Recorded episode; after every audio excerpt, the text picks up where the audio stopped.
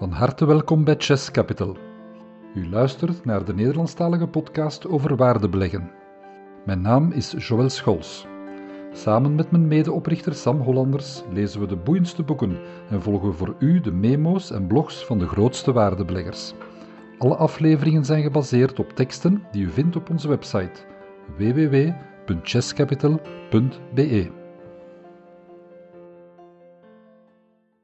Welkom, welkom voor onze volgende maandbrief. Dat is de maand maart 2021 en dit is podcast nummer 29. Een hele leuke. We kijken in de achteruitkijkspiegel. Sam beschrijft een periode die al een heel tijdje achter ons ligt, zo'n 22, 23 jaar geleden. De titel van de nieuwsbrief is dan ook Party Like It's 1999. Als waardebeleggers liggen wij niet echt wakker van de algemene stand van de beurzen. We gaan op zoek naar ondergewaardeerde bedrijven. En daarvoor verwijst Sam naar een artikel dat we schreven in december vorig jaar. En dat is ook te vinden op podcast nummer 22 en gaat over die onderwaardering en het goedkoop zijn van aandelen, dat dat niet altijd hetzelfde is. Als de algemene markt dan goedkoper is, dan is die zoektocht voor ons als waardebeleggers makkelijker. Is de markt duurder, zoals vandaag, dan zijn er minder opportuniteiten te vinden en dan handelen we gewoonweg minder. Dat de markt niet meer goedkoop is, denk ik dat voor iedereen nu wel duidelijk is. De enige manier dat iemand nog kan uitleggen dat de aandelenbeurzen algemeen genomen niet duur zijn, is door ze te gaan vergelijken met nog veel duurdere alternatieven, zoals vandaag de dag obligaties. In het volgende artikel, dat is er eentje van mijn hand, Risico het misverstane woord deel 2, zal u ook lezen dat in onze ogen iets of veel te duur aankopen ja, een van de meest onderschatte risico's is. De zogezegd minder risicovolle obligatiemarkt is in mijn ogen nu zowat de gevaarlijkste markt om in te beleggen, net om deze reden. Een ander argument voor de hoog oplopende beurskoersen is uiteraard nog steeds de erg lage rente. We zagen afgelopen maand even een kleine opstoot in de rente en meteen ging de koers lager, zeker die van de aandelen die het moeten hebben van hun groeibelofte of toekomstige winsten. Ik stel me daarbij vragen. Als een stijging van de rente met 1%, terwijl deze daarmee nog op een historisch laag niveau is, zo'n impact heeft op de waardering, die je maakt voor je bedrijven en dit ook meteen de reden is om te verkopen, dan vraag ik me wel af of je in het juiste bedrijf belegt. Net zoals Benjamin Graham en Joël Greenblad zijn wij voorstanders om indien de rente onder een bepaald niveau zakt, dit niet meer te verwerken in de verdiscontering van uw toekomstige winsten, maar deze vast te klikken op een normaal niveau. Als de rente zakt bijvoorbeeld onder 6%, dan hou je gewoon je verdisconteringsrente op 6%. Ja, je gaat hierdoor aandelen niet kopen die toch nog fors kunnen stijgen, dat is zo. En ja, op dat ogenblik negeer je de economische realiteit van die lage rente van vandaag. Maar waarom zou je meer risico willen lopen door die rente zo laag te nemen als dit eigenlijk alleen maar in ons nadeel zou kunnen uitdraaien? We willen niet meegaan in dat verhaal. Net zoals we proberen te profiteren van een te sterk pessimisme, mijden we de risico's in periodes van overdreven optimisme. Het gevoel dat echter de afgelopen maand steeds sterker wordt, is dat we nog steeds niet in 1999 zijn, als we de vergelijking zouden maken, tenminste met de dotcom-hype. Redenen om te denken dat we dicht bij de top zitten. Naast de schaarse opportuniteiten en de gekke prijzen die voor sommige aandelen worden betaald, is de belangrijkste reden om te denken dat de top in zicht is toch wel de enorme toegenomen interesse voor beleggen. Ook dat wordt gestuurd door de lage rentes en het feit dat velen anderen rondom zich zien die voltreffers scoren op de beurs of met bitcoins of nog met andere dingen. Iedereen wil ondertussen een graantje meepikken. Het is dat we niet naar buiten mogen, want anders zouden we in alle cafés of bij de kappers of bij de Ubers taxis zou het gonzen van beursadviezen.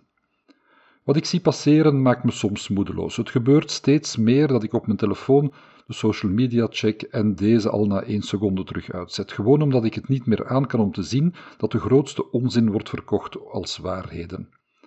Waar dit bij particulieren vaak een gevolg is van een combinatie van gebrek aan kennis en wat men noemt FOMO, Fear of Missing Out, zien we ook beurskoersen passeren, gemaakt door professionelen die alle verbeelding tarten. Het lijkt soms alsof zij zich compleet beginnen overgeven aan het idee dat aandelen alleen maar kunnen stijgen. De centrale banken doen hun best om dit tot waarheid te krijgen, maar op de lange termijn zal de beurs en de economie eerder gelijk bewegen. Nu is het verschil te ver opgelopen. Kijk bijvoorbeeld naar de meest verhandelde aandelen bij de Giro in januari van dit jaar. En voor wie de geschreven tekst raadpleegt op de website, zien we daar een grafiek, die, de kaart van Europa eigenlijk, die aangeeft dat in de overgrote meerderheid, bijna alle landen, het meest verhandelde aandeel in januari, dat was van GameStop. In bijna heel Europa zijn de particuliere beleggers meegegaan in die GameStop-hype. Geen enkele belegger die over een aandeel denkt als een deel van een bedrijf die dit aandeel heeft gekocht. Dit is niet meer beleggen, maar speculeren. En dat in zo'n mate dat de vergelijking met 1999 kan worden gemaakt. Misschien is het toch nog maar 1998.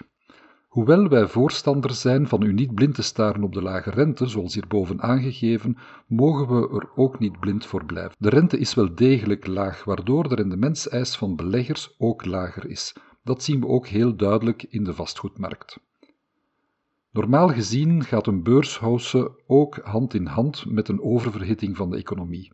Vandaag is dat echter niet het geval. De economie kreeg wereldwijd een klap uitgedeeld door de pandemie. En uiteraard zijn er winnaars en verliezers in dat verhaal, net zoals bij elke crisis. De hoge beurs is dus ook geen gevolg van een jarenlange economische uptrend, maar van een zoektocht naar rendement. Maar vermits de economie een flinke klap kreeg te verwerken, mogen we ons ook voor de komende periode aan verwachten dat er positieve cijfers zullen zijn, al was het maar omdat de vergelijkingsbasis met 2020 op een heel laag niveau start.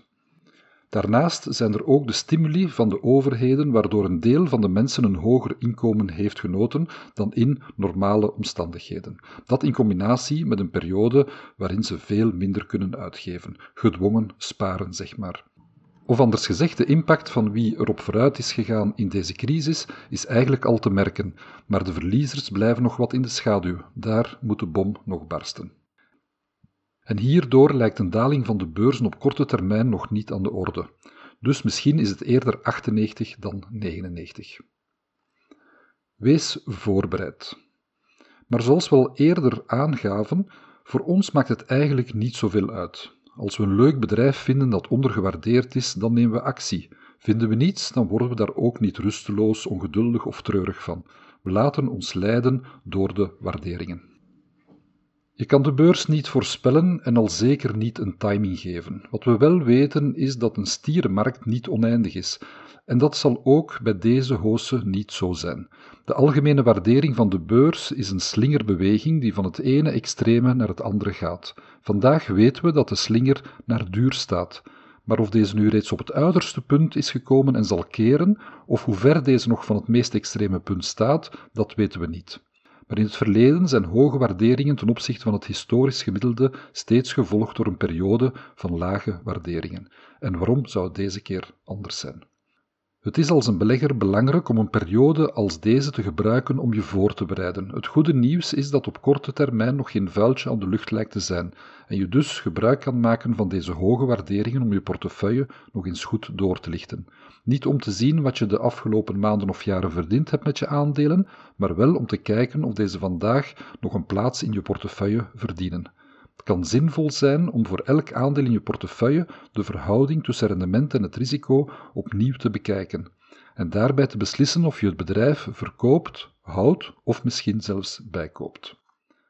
Het rendement van een aandeel wordt gedreven door het dividend dat je ontvangt, de groei dat het bedrijf doormaakt en de verandering in de koers-winstverhouding.